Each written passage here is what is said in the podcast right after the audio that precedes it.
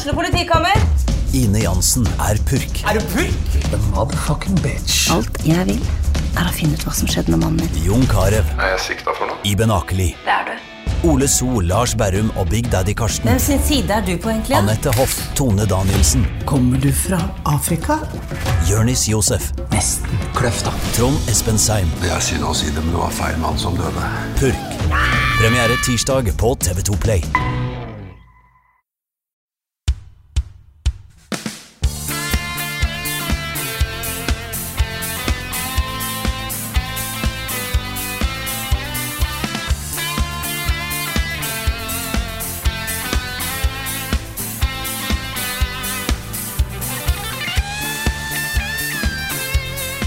Hallo, alle sammen, og velkommen til årets siste ordinære podkast. Dette er da en ny episode av podkasten Level Backup. Jeg er Frida Dammo, og med meg har jeg som vanlig Karl Martin Hogsnes og Rune Fjell Olsen. Men siden det er slutten av året, special thing, så har vi med oss Niklas Halvorsen i tillegg. Hallo, folkens. Hei, Frida. Ho, ho.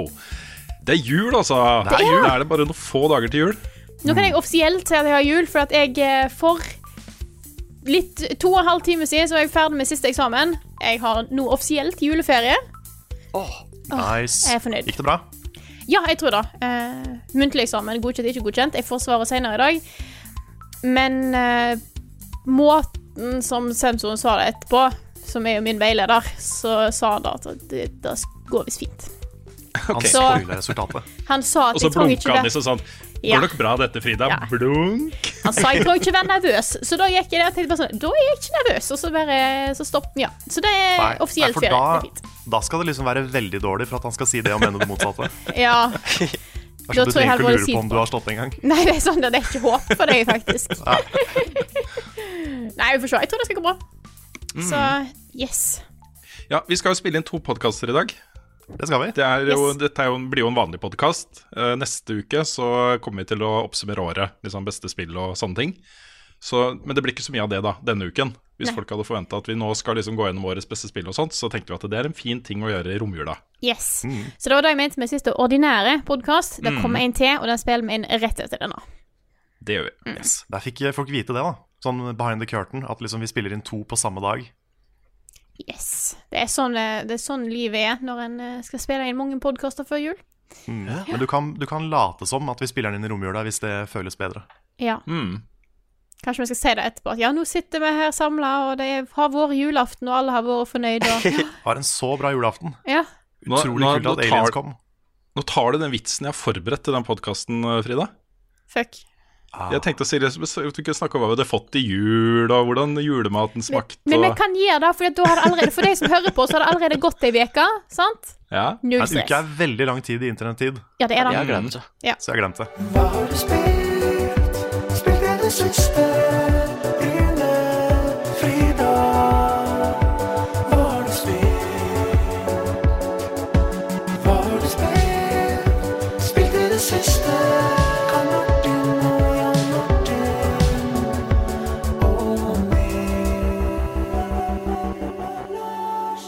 Når vi i dag skal snakke om hva vi har spilt i det siste, så har jeg faktisk lyst til å begynne. Okay. Eh, sånn utenom det vanlige ting, for jeg har et spill jeg gjerne har lyst til å snakke litt om. Mhm. For jeg har spilt Gris. Nice. Og Yes. fy fader, for et spill det er. Mm. Nå har jeg Du snakker, da, du snakker da ikke om det brettspillet Gris, hvor du kaster to griser. Nei. For det er også Eller et hvor du, set, Ja, eller hvor du setter tommelen på, på bordet. Og Ja. den siste som gjør det, blir G, liksom. Ja. Det er ingen av flott de. å spille òg, da. Ja, ja, det, ja absolutt, absolutt. Nei, jeg uh, har eh, faktisk nettopp sittet og spilt inn anmeldelsen. Uh, så den kommer så snart jeg får uh, satt sammen litt video der. Men fy fader. Nå snakker vi ja, spill som er opplevelser. ass. Mm. Det er Jeg visste du kom til å like det spillet, Frida. Det var jeg helt sikker på da jeg spilte det. Ja. Jeg så da jeg så først den reveal-traileren. Jeg bare sånn dette, dette må jeg ha. Jeg kan, jeg kan ikke Mm. la dette her gå forbi meg. Så jeg hadde jo Det kom jo ut på fredag. Jeg fikk jo ikke spilt torsdag. Torsdag, forrige Torsdag torsdag. var det. Jeg fikk jo ikke spilt det på toget, for det var jo ikke kommet ut i dag jeg dro til Nei. Oslo. Så jeg spilte det, kom hjem igjen, og mens jeg var i Oslo, så fikk jeg meldinger fra min kjære som sa at sånn 'Jeg har spilt Gris, det er dritbra, du må spille dette.' Jeg bare sånn 'Ja, jeg vet, jeg har kjøpt det, det ligger klart!' Så eh, da har jeg på en måte Jeg ble liksom Det var godt å måte få spilt det, få opplevd det, se hva det er. Og så måtte jeg jo bare sette meg ned og skrive anmeldelsen i Mm. i én sitting, fordi at da bare, jeg måtte bare få ut alle tankene mine. Så det blir en sånn meg som snakker om litt kunst og litt greier. Eh, så jeg vet liksom ikke hvor mye jeg vil si om spillet heller, fordi at det er bare noe som må oppleves. Det er en sånn eh, Ja. Det er liksom Det er enkelt å si at det er en reise, men det er jo det. Mm. Ja. Er det langt? Nei, tre-fire timer for Fire timer. Ja. Ok. Jeg tror jeg brukte ca. fire på å fullføre det. Så det er en eh, flott sitting. Jeg hadde tre Ja. timer, faktisk, tok det av meg. Ja, Ok. Mm. Ja, jeg satt fast på et par av de, eh, puzzle, de, par av de få puzzle-tingene som var der. Så satt jeg litt fast et par ganger. Men det er så elegant. Mm. Alt der er så bra laga. Det er liksom ingenting der å sette fingeren på, for meg. Nei, det, vi snakka litt om det i forrige uke også. Da hadde jeg bare spilt en time. Og nå har jeg spilt gjennom det spillet, jeg også. Eh, det som er spesielt med det spillet her, er ikke det tekniske gameplayet. Fordi hvis du, bare, hvis du hadde bare lagt på en helt annen grafikk, en helt annen musikk, en helt annen måte å komponere liksom, progresjonen i spillet på, så kunne det ligna på ganske mange andre 2D Unity-spill. Men det er liksom måten, måten du har gjort alle de tingene på, det visuelle stilen, eh, hvordan musikken spiller inn på det du gjør, eh, hvordan de liksom spiller på sånn følelsesstrenger da, gjennom hele den opplevelsen, som løfter spillet, ikke sant? Og Derfor så er det Jeg, ser at det spillet får en del eh, sånn sprikende anmeldelser. Noen gir det sånn fem-seks av ti, andre gir det ti av ti. Og det er, det, det er ikke så rart. Jeg skjønner det, liksom. Hvis du ser på det ren, som en ren teknisk spillopplevelse, gameplay, liksom, så kan du si at ja, det var ikke så mye interaktivitet der, kanskje, og puzzlene var kanskje ikke så dritbra, og, og sånne ting, men da mister du hele poenget, syns jeg, da, med spillet. Men jeg, vet du hva? Jeg syns faktisk puzzle er gode òg, jeg. Jeg syns de er lagd eh, det, er, det er jo veldig av at den visuelle stilen er så stilig, og at puzzlene blir en del av hele den eh, grafiske opplevelsen og designet. Men jeg syns de funker veldig bra òg. Jeg syns mange av de er litt clever. Så, Ja da. Mm, Det er det. så det er liksom det er ikke, jeg mener ikke å si at de er dårlige, jeg bare Nei, sier at jeg, jeg, jeg Clever puzzles er ikke, er ikke sånn uvanlig da, i 2D-plattformspill. Nei. Men det, ja.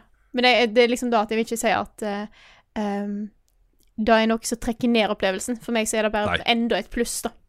Mm, helt enig.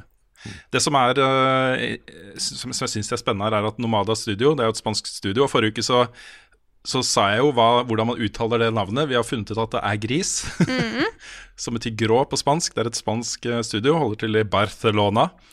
Eh, de har jo, flere av de folkene har jo bakgrunn fra andre kunstneriske yrker. Arkitekter og kunstnere og, og sånne ting. Eh, med, med det til felles at de brenner for spill. De er veldig glad i spillmedia. Eh, men de hadde ikke, ikke lagd et spill før. Men de hadde på en måte noen tanker om hva de kunne tilføre til spillmediet. da. Og jeg syns de har eh, virkelig, virkelig fått til noe ganske unikt med Gris. Altså, det er et Det føles som om noen faktisk har sett på spillmediet med friske øyne og tilført noe. Det er derfor jeg liker det så godt òg. Det her må vi få spilt, eh, Nick. Ja, jeg hører det. Ja. Men jeg, eh, jeg skal ikke snakke altfor mye om det. Det kommer en anmeldelse snart. Eh, men jeg kan jo også nevne at jeg har tatt med meg PlayStation VR-headsetet til Trondheim. Det er nå kobla opp og klart til å eh, teste Beat Saber. Jeg har Move-kontrollene står på lading. Men jeg, i går, en liten halvtimes tid, så testa jeg Tetris Effekt VR. Wow. Det var kult. Ikke så revolusjonerende som jeg hadde trodd, kanskje. For okay. folk snakker så veldig fint om det. Og jeg må si at ja, det er stilig. Du får en del sånn partikkeleffekter i ansiktet og greier. Kult. Men jeg hadde en sånn ekstrem Sånn der eh, følelse av å bli sugd inn i det spillet første gang jeg testa det. Mm. Og har liksom kommet meg gjennom det, sett på en måte det det har, eh, og på en måte følt hele det sånn eh, Åh, hva heter? Immersion i det spillet der, som som er litt rart, da, men det, det, er, det er en sånn send-greie. Eh, så jeg har allerede hatt den opplevelsen. Så da gir det i VR var det sånn, ja det er litt det samme som jeg har følt før, eh, på en litt annen måte. Og med litt eh, litt eh, eh, Litt lavere oppløsning. Og da blir det ikke like pent som jeg syns det er ellers. Men eh, det, det er bra. Jeg tror hvis du tester det i VR første gangen, så er det på en måte enda mer effektfullt. Men bare sånn nå for å gå Jeg er ikke sikker på om jeg vil fortsette å spille det i VR eller vanlig, faktisk.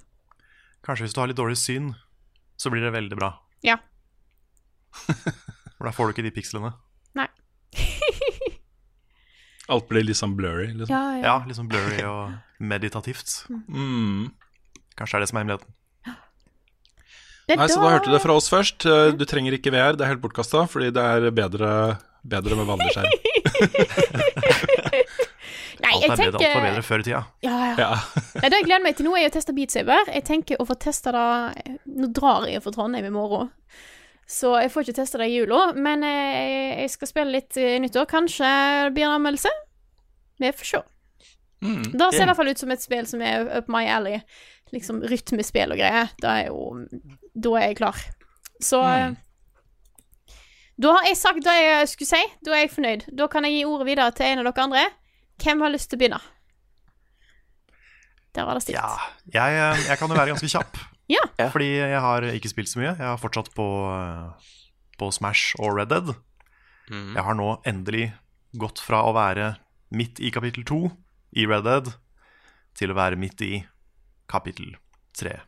Shit! Så det, er det, det kommer framgang. seg. Ja. Ja. Ja da. Det, en dag kommer jeg til å bli ferdig med det spillet. Du har på en måte samme progresjon i det spillet som eh, folk hadde ved lansering. Og så da det kom ut, så gikk folk eh, fram i historien på, med samme tempo som det du gjør nå, ikke sant? Ja, sant. Og jeg prøver jo liksom å prioritere story missions. Jeg tar jo nesten bare gule missions og noen sånne ting som jeg bare støter på på veien. Mhm. Men, eh, men det er mye. Mm. Det er så veldig mye. For alle de, alle de gule er liksom obligatoriske story missions, ikke sant? Ja. Ja. Da er det mye. Da er det mye story. ja, jeg vet ikke om jeg skal spoile hvor mange missions det er, jeg. Nei, det Jeg har en følelse at det er ganske mange flere enn jeg har gjort.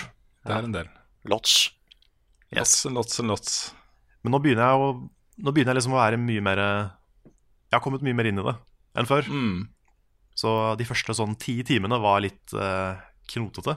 Mm. Det var litt som For å meg òg. Ja, det var, det var litt som å lære combaten i Spiderman i starten. Det var sånn, jeg, jeg likte det ikke i starten, og så etter hvert så bare Ok, nå begynner det å klikke litt, liksom. Ja. Så um, Så nå Nå liker jeg det. Og nå Det er ikke sånn at jeg syns spillmessig det er det morsomste jeg har spilt, men verden og uh, storyen, dialogen, figuren, alt det er så bra. Og det gjør at liksom det er kult å være i den verden, da. Mm. Mhm. Men uh, ellers så har, så har det gått mest tid på å uh, jobbe med Smash-anmeldelse, sånne ting. Den er snart ferdig.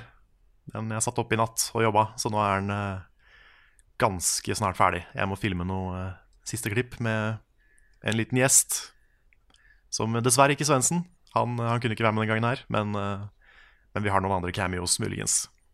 David Yeah. Cage. David Yes. Cage. Emotions i Smash. Mhm. Det, det skulle gjerne hatt David Cage. Hvis han har lyst, skal han få lov til å være en del av Smash-anmeldelsen. Så if you're listening to this, David Cage, you uh, send me a message and we can uh, work this out. Ja, nå Det tror jeg han ikke gjør det, dansk da. Hvis han hører på, så hadde han ikke gjort det nå, Karen. Hvis du du liksom gjør narr av stemmen hans. Nei, men jeg bare prater hans språk. jeg å, det, dette er meg som prøver å connecte med David Cage. Ah, Du må si at uh, I have made a um, review with a lot of emotions, and Yes. it, would, it would be nice to have more emotions. So if you can join talk about your emotions, that would be nice. Yes. I really appreciate how you had uh, at least 90,000 emotions in uh, Detroit Become Human. Dette, ble, dette er mye mer dansk enn det er fransk. ja, det var mye mer dansk. Ja. Det var dansk. Jeg Men, har aldri men- påstått at jeg er flink til å etterligne folk, så uh, Nei, same. Men ja, det er uh, kort og greit meg, tror jeg. Eh, Da kan jeg ta over, fordi jeg har en, en eh, helt lik historie som deg, Karl. Okay. Du har jo prøvd å få fått, eh, eh, eh, David Cage inn i anmeldelsen din. Ja, det hadde vært Ja, morsomt. Eh, nei, men eh, jeg har samme opplevelse med Spiderman. Fordi eh, jeg har begynt å spille det nå. Det måtte Mm. jeg nesten gjøre, for jeg skulle lage min egen liste. Ja. Men jeg, jeg, jeg liker ikke combaten. Og det er sånn, Jeg sliter litt med motivasjonen for å komme videre i spillet. Fordi én, jeg vet at hvis jeg setter meg ned og lærer meg movesettet til Spiderman, altså combat-movesettet, eh, og får det litt mer inn i fingrene Det er jo en lang liste med komboer, altså faktiske komboer, som du kan bruke i, i battle her. Og du kan også eh, gå inn på skill-treet og begynne å prioritere om du skal spille stealthy eller veldig actionfokusert. Så det er sånne ting liker jeg jo egentlig, men jeg syns det går litt kjapt. Det er liksom eh, Jeg rekker liksom ikke å tenke på komboer eh, i de kampsituasjonene, og da blir det sånn møljeslåssing som jeg ikke er så veldig glad i i spill. Og problemet mitt Hva sa du? Nei, bare fortsett. Ja, for Problemet mitt da er at ellers så fuckings elsker jeg spillet. Og så eh, måten historien fortelles på, eh, dialogen, eh, hvordan, det, hvordan du kan gå inn og bare gjøre sånne valgfrie sideting. Og det er gøy, da. Eh, bortsett fra Jeg er ikke fullt så glad i, i måten jeg har lagt opp denne open world-kartet på, med bare masse icons som du kan gå og gjøre. Eh, og så er det ikke så veldig gøy. Sånn crime stopping-aktiviteter og sånt blir fort veldig like hverandre. da Uh, men uh, en del av de andre tingene syns jeg innmari morsomt. Valgfri sideoppdrag osv. syns jeg er gøy.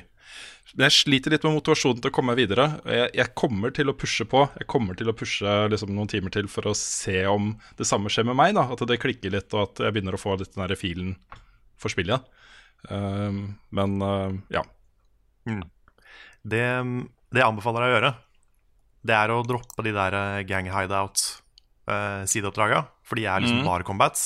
Ja. For jeg syns heller ikke combaten er sånn Jeg synes den, den, er, den er bra, men den er ikke gøy å bare gjøre hele tida. Så um, jeg prøvde å gjøre liksom minst mulig combat. Bare gjøre det når det dukka opp i storyen og sånn. Mm. Og så skjedde det etter hvert at jeg ble god og kom inn i det. Og fikk, ja, fikk en fil for det. Og det skjer, det skjer fortere enn man tror, altså. Ok, mm. jeg skal pushe på videre. Uh, fordi eh, åpningsoppdraget med fisk syns jeg er dødsbra. Og det er det soleklart beste jeg har opplevd i spillet til nå. Så jeg går liksom med et håp da om at uh, det kan komme mer av den type greier. Det gjør det. Ja, det, det kommer, ja, du har, du har ikke sett det beste i det spillet, for å si det sånn. Nei, ok, Nei, men det er bra. Da eh, gjør jeg det flere, gir jeg det flere sjanser jeg gjør det. hvert. Bra, Mm. Det er litt dumt, da, fordi det går litt utover uh, topplister og sånt for eh, 2018, kanskje. Uh, det er mulig at jeg har det med på lista mi. Den har jeg lagd ferdig. Den kommer neste uke. Men ehm, kanskje, du må den hadde kommet høyere og- hvis jeg hadde. Ja, kanskje du må gå inn og bare heve noen Ikke sant? Kommer så rare voiceovers og sånt, bare klistre på noen andre. Ja, et eller annet. Og derfor får Spiderman på PlayStation 4 førsteplass. Så kommer det liksom midt inn der. Nei, men det, jeg føler meg fortsatt ganske sikker på, og det er jo eh, farlig å si det, da. Fordi jeg er jo en tilhenger av at man bør liksom se hele bildet før man skal uttale seg bombastisk om hvor bra noe er i forhold til noe annet. ikke sant? Men jeg føler meg ganske sikker på at uansett da, så er det ikke noe som kan overgå God of War og Red Dead Redemption 2 for min del i år. Eh, basert på det jeg har sett av Spiderman, så tror jeg ikke det kommer helt opp dit. Jeg vet det er, en, det er en kjedelig ting å høre på slutten av året, men det beste med Spiderman for meg er slutten. Ja, ikke sant? Ikke sant? Herlig. Flott, det. ja. Men jeg har også, fordi jeg, det, er jo kjempevanskelig for meg, God of War eller Red Dead Redemption 2, de to store spillene, jeg er vel like glad i begge to, ikke sant? Eh, så helt nå på tampen av året så satte jeg meg ned med New Game Plus i God of War. Det er jeg ikke sikker på om jeg burde ha gjort, fordi eh, jeg fant det ganske fort ut at eh, New Game Plus syns jeg ikke er noe god idé i det spillet. Nei. Det er, det er liksom elementer der som er knytta til storyen, som også uh, utvider gameplayet. Altså De to tingene henger litt sånn særlig et par, Det er særlig ett punkt da i storyen som henger veldig tett sammen med det.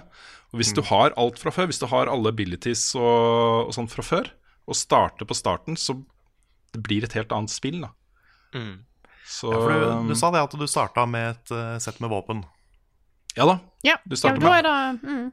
Alle våpen fra, fra den saven da, som du velger å plukke opp igjen. Og Det som er litt kult med New Game Plussen, her, er at du kan velge hvilken save du vil fra alle de savene du har. Eh, så tar den bare det du har på det punktet på den saven, Uavhengig om du er ferdig eller ei? uansett om det er ferdig eller ikke. Hmm. Så um, Men, men hva med sånne Det er, jo- det er jo litt sånn Metroidvania-vibes i noe av det. Mm. Med at du kommer til en, eh, en ting du ikke kan åpne, f.eks. Ja, du har ikke den der, eh, den der hakka som gjør det mulig å åpne disse hemmelige eh, Ah, ok. dørene. Eh, Ja. Nei, hva heter okay. det? Etter en Chamber of Odin, er det ikke det det heter? Mm. Den har du ikke fra starten av. Nei, okay. Nei, for, da, for jeg ser for meg at du kunne jo kanskje liksom breaka rekkefølgen i spillet hvis du hadde absolutt alt. Ja, litt ramme, sånn som i starten for eksempel, så er det jo en ting du får senere i spillet som eh, gir deg tilgang til et område helt i starten. Uh, at du kan gå tilbake dit. Uh, det kan du gjøre, men uh, i og med at ikke du har den der hakka, så har du ikke noe der å gjøre likevel. Det skjer ingenting der, ikke sant. Ah, Så, mm Mm, ja. Men uansett da, så føles det litt sånn det, Dette er en så utrolig godt satt sammen historie. Hvor ingenting er tilfeldig, hvor alle abilities du får, er liksom nøye valgt ut til at det skal du få på dette punktet i historien, liksom. Um, at et New Game Plus ikke gjør så mye for meg, i hvert fall. Nei. Men uh, det jeg kan si, da, er at jeg, jeg fortsatt Jeg er på gråten hver gang jeg ser uh, Atreus. Det er liksom Der kommer pappa Rune inn i bildet. Altså, han er for meg sønnen min, ikke sant? Og så det, det er så lett å, å legge det på en sånn type rollefigur. Kratos er pappa, liksom. Han er sønnen hans. Det forholdet mellom de to. eh, det er liksom så utrolig mye som, eh, som fortelles der, uten at det nødvendigvis sies høyt. da At uh, jeg klarer ikke å la, la være å tenke på liksom min egen sønn og mitt eget forhold til han. da Nei. Sånn, når skal du fortelle Sam at han er en gud? Ikke sant? Ja. Mm. Ikke sant? Ja, nei, men jeg, jeg, jeg tror den der universale uh, far-sønn-tingen gjør ganske mye med det spillet. Mm. Det er eh, Av vekslende grad så tror jeg det er mange som kan kjenne seg inn i en pappa som kanskje er litt følelsesmessig distansert og, og sånne ting. Så Det er, så, det er så flott det du gjør med, med Kratos i det spillet. ja, Mm. fy fader. Det er liksom det er det jeg husker med God of War. Det er det. Ja. Mm. Yes, Yes. og ellers har jeg da lagd en eh, topp 10 for 2018 som da tydeligvis viser seg å være bare helt bortkasta, men eh, det, jeg har lagd den. Jeg har lyst til å ta meg litt fri i romjula. Og det er jo sånn uansett med disse listene, ikke sant. Det er Ja. jo uh, Det er jo tilfeldig basert på hva man faktisk har spilt det året, og hvem man er som person, og hvor den, eh, hva slags dagsform man er i når man lager topp 10-lista og sånne ting. For eksempel så kan det godt tenkes at jeg om en uke bytter om noen av plassene på den lista, ikke sant. Ja. Det er, ja. ja. Ikke Men fint å spille at- subjektivt? Ikke sant, det er subjektivt, og i tillegg så mener jeg at hvis du har kommet med på min topp 10-liste, så er det et fuckings bra spill uansett. det er min eh, holdning til akkurat det. Ja. Det er sant. Ja. Nick, har du lyst til å fortsette? Hva har du spilt i det siste? Ja, jeg kan prøve å være litt rask. Eh, jeg har eh, spilt litt mer Red Dead Online. Siden nå er det lettere å få tak i penger og gold og sånn der, så det er litt morsommere å gjøre ja, death matches og sånn. Så er det så gøy, for det er en bug i det spillet nå, så jeg har jo nytt ansikt hver gang jeg loader spillet i online. Oi, Det er veldig morsomt. Så jeg er jo ikke Nick the Kid lenger, jeg er liksom Nick the Old og Nick the Average, ikke sant? Oh, Nick the Average. Ja, og så har jeg plutselig leppestift, og det er, det er masse sånne greier, da. Dårlige Nick tenner og fine tenner. Ja, ikke sant? Er Nick of many faces. Uh, men jeg fikk endelig sette meg ordentlig ned med Smash, da. Hei! Ja, og og det, det er sånn gøy, fordi jeg, jeg, er jo, jeg er jo nerd til vanligvis, men når jeg setter meg ned med Smash, da er jeg sånn supernerd, ass. For det er sånn derre Det jeg elsker med det spillet, er å bare teste de forskjellige karakterene for å sjekke hva For det er jo alltid en ny engine til de nye spillene. Hva den engine gjør med de forskjellige karakterene. Så selv om de har helt like angrep, så er det noe der som er litt annerledes, da. Eh, og jeg merker sånne ting som at Oi, Mario sitt spark, det, det hadde tre færre frames per second. Ja, da er det raskere. Det er sånne småting som det. Du, du, Så jeg- du ser da. Du bare sånn Å, det var tre. Ja, det er kanskje ikke akkurat tre, Ja, okay. men, jeg, kan- men jeg kan helt klart liksom Spesielt når det kommer til Mario, som er en av favorittkarakterene, ikke sant? Så legger jeg veldig fort sånn merke til at ja, han slider raskere, han er Han kan dashe litt før, og han er kanskje litt tyngre det sånn, da. Så jeg elsker veldig godt det. Og så har jeg funnet ut at uh, hun der, der, der uh, Splatoon uh, Hva er det heter? Squid Kid. Inkling. Inkling. Squid Kid? Ja. Ja. Inkling heter det egentlig. Ja. Hun er så broken. Hun er så OP! Det er helt krise. Hun kan kaste maling på deg, og du tar mer damage, og så kan hun begrave deg med den der svære malerkosten. Altså, det er, hun er helt crazy i det spillet. Nice. Og, og min nye favorite character fordi hun er så broken. oh, Altså, er det er veldig passende. bra at eh, Ja, altså har jeg vært veldig heldig med online, da. Det har ikke vært så problemer ennå. Jeg har blitt kasta ut av et par matcher, men utenom det så Det funker i hvert fall. Det gjør det. Mm. Det er bra. Ja. Ja, det er, sånn, det er sånn akkurat det går. Mm. Og det er jo Er ikke det et generelt et problem med fighting-spill at det er ofte vanskelig å naile online? ja, det er det. Litt fordi dette er sånn Nå snakker jeg veldig utenfor min egen ekspertise her, men eh, det jeg har skjønt, er at i førstepersonsspill så kan du jukse en del fordi du bare ser liksom de andre. Men når du har din figur og de andres figur på skjermen samtidig, så er det veldig vanskelig å gjøre noe med lag og delay og liksom teleporterende fiender og sånne ting. Mm. Så da blir liksom valget å senke ned alle istedenfor at den du spiller mot, hopper fram og tilbake på skjermen. da Sånn som i, I Souls så har du jo det problemet at eh, en figur kan bare dukke opp et annet sted. Ah, Men det hadde ja. ikke funka i Smash.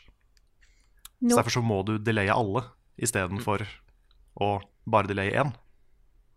Så jeg Ja, tror det det er det som er jo- problemet. Det sitter jo folk der og teller frames, ikke sant? Mm. Hvis eh, en eller to av de framesene bare er borte, så Mm. Men, men de, er, de har gjort en bra jobb med de nye figurene. Altså. ja. Mm. De, er, de er veldig sånn unike. Mm. King K. Rool er dritmorsom. oh, jeg setter har sett en del sånn- bra video der med hans abilities. Ja. ja han, er, han er ganske OP hvis du er god med han. Mm. Ja, jeg, jeg har sett klipp. Ja. Nei, de er, de er kule. Og så er de litt sånn De er akkurat passe unike til at de blir en sånn annen type combat-stil enn de, de vanlige. Ja, det er sant. Så det er veldig kult. Mm. Og så har jeg blitt veldig glad i den der story-moden. Ja. Fordi, og jeg- og jeg merker at eh, jeg, jeg var litt sånn engstelig for den. For jeg har hørt at den er veldig veldig lang og kan være veldig veldig repeterende. og sånn. Ja. Men uh, jeg tror det fungerer veldig bra for meg fordi jeg ikke liksom rusher gjennom det. Mm. Jeg liksom setter meg ned, spiller der i to timer, og så gjør jeg noe annet. ikke sant? Det Ja, tror jeg er måten å gjøre det på. Ja. Det tror jeg òg. Bare ikke, ikke bruk det som måten å unlocke favorittfiguren din på. For det plutselig tar det 20 timer. Ja, jeg, jeg, jeg finner ingen Fire Emblem characters, altså. Bortsett fra Marth. Det er sånn Ja, ja Marth er tidlig. Ja, men utenom det så bare De, de er ikke i det spillet der. Jeg er så de de fascinert. fascinert. At liksom at ja, jeg finner ingen Fire, Fire Emblem-karakterer. Nå vanligvis problemet med Fire Emblem-karakterer er at det er for mange Fire Emblem-karakterer i Smash, eh, og alle er nett like. Så jeg syns det er interessant plutselig bare sånn Nei, det problemet er for få. Mm. Nå husker jeg ikke i farta hvor, hvor jeg fant alle sammen, men jeg tror de er litt spredd rundt. Ja, Og så er det ett Det er én sånn dungeon som har veldig mange av de. ah, ok. Så ah, men jeg tror det er ganske seint. Ok, jeg, jeg aner ikke hvor lenge jeg har spilt her. Uh, jeg tror jeg møtte på en sånn der maskin. En sånn bossfight her. Det er det eneste jeg har gjort. Ja, ok. Ja, da har du et eh, stykke igjen. Ja, ok, greit. Så det er det jeg har spilt. Ukens anbefaling. Hva skal jeg finne på? Ukens anbefaling. Hva skal jeg finne på? Ukens anbefaling. Hva skal jeg finne på? Ukens anbefaling. Hva skal jeg finne på? Siden det er siste ordinære podkast, så tenkte vi at vi skal ha en liten vri på anbefalingsspalten vår. Så nå kommer Istedenfor bare å ha én, så har vi mange igjen. Så Det er eh, jul. Det er det er vår, gave til eh, lytterne våre. Ja. Jeg må bare kommentere, jeg synes det var veldig Det er ingen som så det, men Frida vridde seg litt da du sa vri, og jeg syns det var litt kult. Jeg har en tendens til å gjøre litt sånn Jeg sitter jo sånn når jeg sitter og spiller inn anmeldelse òg, så sitter jeg og bruker he- hendene, og jeg er veldig sånn derre Ja, det gjør jeg òg. Ja. Mm. Litt sånn nå, som brukte jeg, talerstol, nå brukte jeg men- kroppen for å vise at jeg var eh, på en måte eh, ivrig. I en podkast Ikke sant? Det Ja, Men jeg liker å tenke da at det går an å høre det på stemmen. ja du kan høre at, at det du skjer noe. Ja. Mm. Gestikulering, vet du. Viktig. Ja, det er det. Det er helt sant. Nei, men hvem har lyst til å begynne? Carl, har du lyst til å ta en? Jeg kan ta en. Mhm. Jeg, kan, jeg har vurdert å bare gjøre meg sjøl til en sånn der eh, YouTube-kurator, jeg nå. Ja. Fordi det er så mye dritt på YouTube, så jeg kan være en av de som finner det bra. Ja. ja. God idé. Så, um, mm, så jeg har um, tenkt til å følge opp en tidligere anbefaling. Oi. For jeg har snakka veldig varmt om eh, Movies with Mikey før. Og han har nå en, en serie på tre deler som handler om Harry Potter-filmene. Ah. Og alle som har et forhold til Harry Potter-filmene, eller bøkene, eller begge deler, og har lyst til å bli enda mer glad i de enn de allerede er, sjekk ut serien til, til Mikey på de. For det er, det er tre episoder, og de er vel 20 minutter lange, alle tre, tror jeg. Den tredje er ikke ute offentlig ennå, den er bare på Patreon, men den kommer første juledag, tror jeg. Men de to første er, er ute på, på YouTube. Og det er bare en sånn han, han er så utrolig god på både å få fram hvorfor de historiene her betyr noe for folk. I hvert fall hvorfor de betyr noe for han, da. Og også gå gjennom liksom hvorfor hver eneste film For han snakker jo mest om filmene. Eh, hvorfor hver eneste film er et sånt lite mirakel i seg sjøl. Det at alle de filmene her faktisk ble laga, at de gikk såpass bra som de gjorde. Fordi én dårlig film er nok til å liksom senke et sånt skip, ikke sant? Mm. Og bare det at uh, skuespillerne var med hele veien, og at uh, historien hang såpass på greip. De bytta regissører, de bytta så mye, men det funka. Og bare Nei, han, han, han er så utrolig god til å sette fingeren på liksom hvorfor ting er bra. Og jeg merker ofte at hvis jeg har sett en film, og så ser hans episode om den filmen, så blir jeg liksom ti ganger mer glad i filmen etterpå. Åh. Det er liksom det motsatte av sånne negative youtubere. Jeg blir Ja, så veldig glad for de der De som bare feirer ting. Så det er flere av de videoene hans som er sånn nesten er på gråten etterpå. For han, han er så veldig flink Mm. med ord og bare Det blir ofte litt personlig. Så er, er det én person jeg skulle ønske jeg var så god til å skrive som, så er det, så er det Mikey. De hadde jo utrolig flaks med skuespillerne i, eh, i de filmene. Og så Mm. Skuespillerprestasjonene deres, i særlig første, men også litt andre, er jo ikke i all verden. Men det at de uh, fortsatt også ikke gikk gjennom en sånn brand-fase, f.eks. Um, at de var gjenkjennelige fra film til film, at de vokste inn i rollene sine på veldig gode måter, alle tre. Um, og det var jo hele ensemblet, liksom. Det var jo bare én som, som ikke kunne det var- Unnskyld at jeg ler, men også det var én som døde. Men uh, uh, Som de måtte bytte ut. Men Ja, ellers ja. så var det liksom hele spekteret av rollefigurer i, og skuespillere i filmene, at de kunne være med hele veien gjennom. Mm. Syns jeg også gjorde mye med den helhetlige opplevelsen da, de filmene Mm. gir. Absolutt. Uten å, uten å si for mye, syns jeg også de videoene her ehm, tar opp noe med liksom strukturen i Hogwarts, og på en måte det som skjer der, det de voksne gjør med barna, Mm. som er veldig interessant. Ha. Ja, for der er det mye interessant. på. Der er det mye å ta tak i, som ikke er så bra. Så, men men det, han går gjennom det også på en veldig sånn bra måte, som, hvor det, du skjønner veldig godt hva, hvor du kommer fra. Kult. Jeg syns det passer nå å eh, ta sånn forskudd på eh, spørsmål og svar-spalten vår. Okay. Vi har fått et spørsmål fra Espen Pedersen som bare spør liker dere Harry Potter. Ja. Jeg har jo vokst opp med det. Jeg var jo Mm. nesten i samme alder. Eh, et par år yngre enn da de var gjennom, hele film, altså gjennom filmene. Fra start, liksom. Mm. Så det er en serie som jeg har vokst opp med. Og har, jeg har vokst med filmene og med bøkene. Eh, fra liksom at mamma leste de første tre for meg på senga. De var enkle skrevne. Jeg vet at mamma sensurerte den første boka underveis, for hun var redd for at ting var for skummelt for meg. Eh, så jeg har, lest, jeg har lest den igjen senere, så don't worry. Uh, til at liksom at jeg Bøkene ble mer voksne etter hvert som jeg ble liksom ungdom, voksen. Kunne liksom følge da gjennom alt. Mm.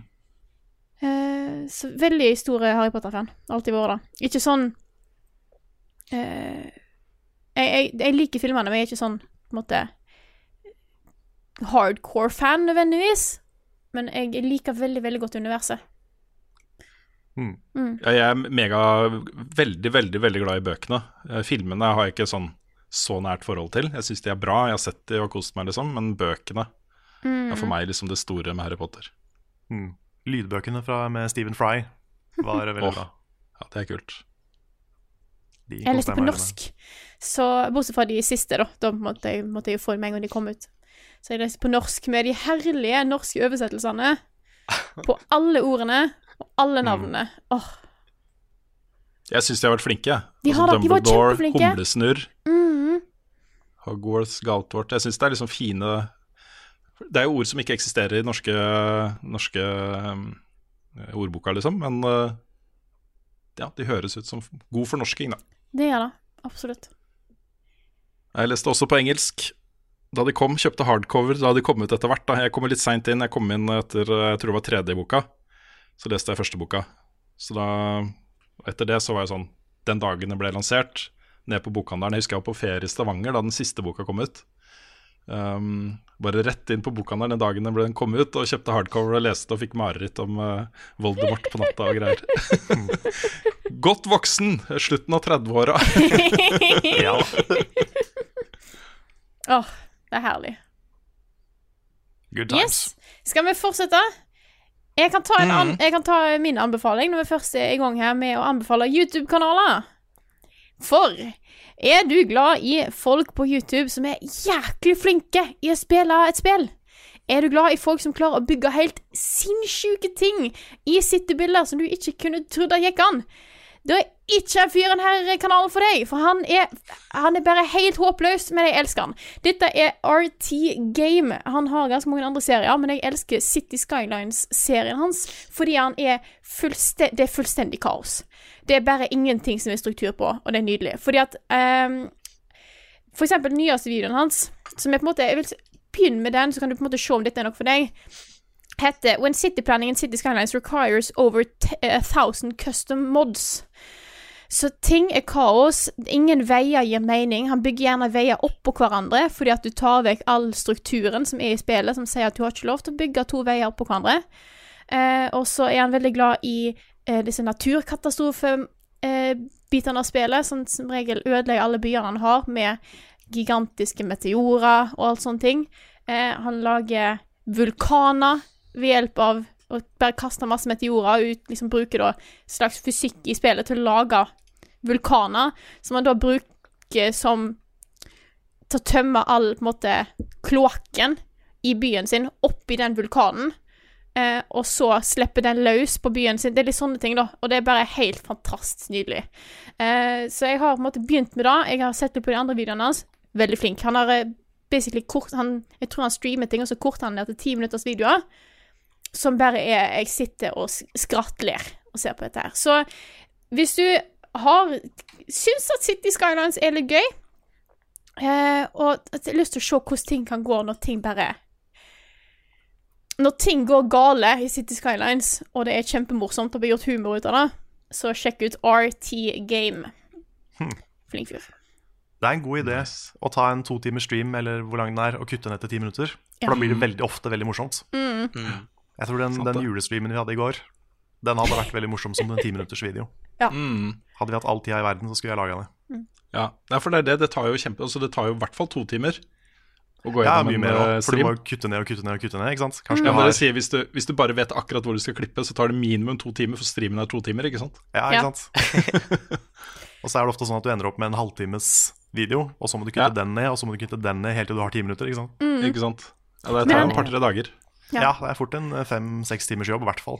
Mm. Men han her er kjempegod til å klippe, så det er veldig mye sånn snappy dialog. Da, da. Så det, det, er, det er kjempebra. Og så hver gang han setter alltid, som regel setter han alltid en eller annen sånn naturkatastrofe ut for å liksom, utslette byen, da. Eh, og da setter han på Country Roads. Så da er det alltid. Country Roads som går i bakgrunnen mens, mens hele byen bare går i ruiner. Og han har lagd mye greier. Han har prøvd å gjenskape eh, verdenskartet. Eh, og så I starten så er han veldig sånn Nei, nei, vi skal ikke flytte på noen landegrense her. Og på et tidspunkt så bygger han en demning over hele Atlanterhavet. Eh, drainer hele Atlanterhavet og bygger Atlantis. Eh, Ja. Så det er litt sånne ting, da. Um, så har han en by Nei. der han bygger hele byen én vei. Ja. Ja, det går jo kjempebra, for det er ingenting som kommer fram noen plass. Det, det er veldig veldig mye sånn interessant. Og så ender han opp med å prøve å fikse hele systemet og med å ha over 600 eh, blimps som eneste transportmiddel. ja. Mm. Hm. Det er noe litt sånn Lovecraftian å se for seg det mennesket er i virkeligheten. Som en sånn gud. Ja. Mm. Da får man plutselig litt sånn cosmic horror. ja. Nei, det er min anbefaling, i hvert fall. Sjekk ut han.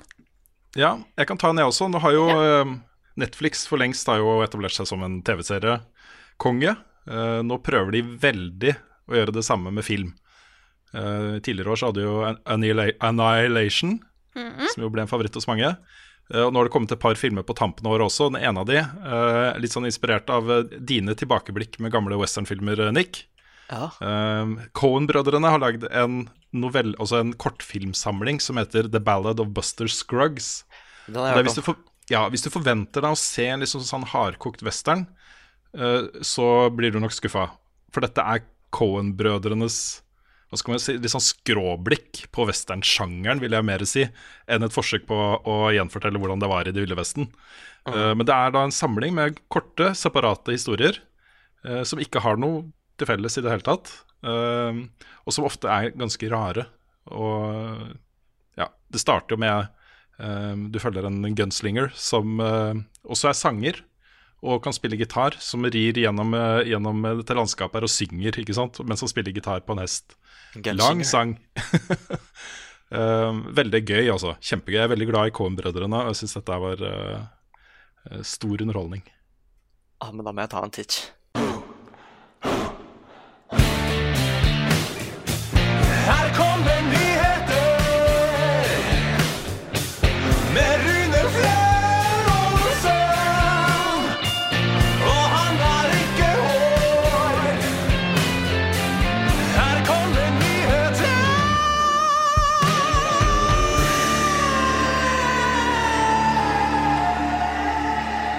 Finne på en intro til nyhetsspalten som er like kul som vignetten vår, men det får jeg ikke til. Men i hvert fall, hvert fall nyheter med Rune.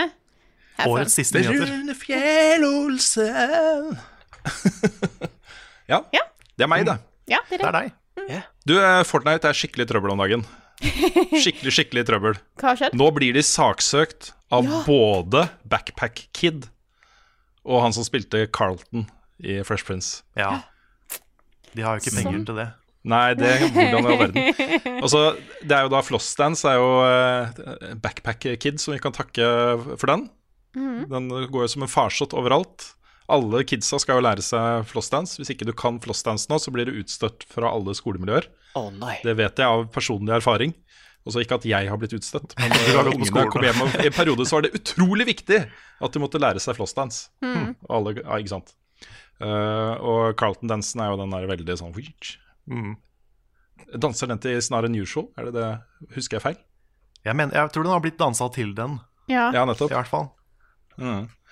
Nei, jeg vet ikke. Det er, det er liksom uh, Jeg tenker at den type søksmål Det syns jeg er litt, uh, litt sånn eh, tegn i tiden-type ting. Fordi én, de blir på en måte henta opp fra noe ved at dansen deres blir brukt i et veldig populært spill. Og folk skriver artikler om at den kommer fra det og det, og så kommer liksom comeback, nei, comeback sier jeg, Backpack Kid og Carlton litt fram i lyset igjen. ikke sant? Og to, de kan forlenge den ved å gjøre et søksmål, ikke sant? Og være i nyhetene for at nå saksøker de dem, og så kommer det kanskje en rettssak, og kanskje ikke sant? Det er ikke pengene som er grunnen til at de gjør dette her, det er den derre PR-tingen, ikke sant? Men hvis du hadde Så- gjort noe, lagd noe, som hadde gjort at du liksom ble kjent for det Det var nesten Mm. et varemerke du hadde, var den tingen. Og så var det noen som bare tok det, uten å gi deg noe creds for det. Mm. Da hadde jeg òg blitt litt sint, skal jeg være Ja, helt ærlig. ja, jeg, jeg skjønner jo altså, Det er mulig at de har en case her. Det, jeg skal ikke si noe annet enn det, liksom. Men eh, jeg føler jo at de har fått den anerkjennelsen. Altså, det er jo kjent som liksom Carlton-dansen. Den er jo i Destiny også. Den er overalt, liksom. Men én ting hadde vært hvis Fortnite Eller de hadde brukt det og på en måte gitt en liten anerkjennelse, Mm. Enn å bare ta den. Ja, De burde jo rett og slett bare betalt litt penger for disse Ja, fordi at Ja. hvis de hadde Fordi at de fleste som, som spiller til her, er jo kids. De vil ikke kjenne han som, som Carlton-dansen, de vil kjenne Nei, han som det er sant. Fortnite-dansen. Det er Mm. Og da mister jeg- jo på en måte Da er det En ting er å på en måte bruke den for å liksom gi en ø, da. Sånn som du kanskje gjør Som kanskje Destiny gjør. Ikke vet jeg, men når du bruker den sånn, så er det på en måte Å ja, se, det er fra den, ja. Når det er Fortnite-kids spiller til, så tenker de bare sånn Dette er meg som antar at flesteparten av Fortnite-spillere er kids. Ikke at alle som spiller Fortnite, er kids. Bare så det er bare sagt. Mm. Jeg tror veldig mange av de ungene ikke klarer å se connection, og bare tenker på Fortnite, og da mister den Carlton-dansen mister Carlton-preget, og kun blir en Fortnite-dans. Mm. Jeg er litt nysgjerrig på, på den lovlige sida av det. Ja. Fordi jeg aner ikke om liksom har dans en form for tono? Eh, altså en sånn der, fin, finnes det, Går det an å copyright eller trademark en dans? Er det noe sånn Hva er reglene for det, da? Ja. Du kan trademarke alt. Har de en case, liksom? Jeg aner ikke om de har en case. Det her syns jeg var litt interessant, fordi i, lø i løpet av den samtalen Jeg starta med å liksom, tenke på dette som tullerettssaker, til å tenke at dette her kan skape presedens for Ja. for en ganske normal praksis i spill.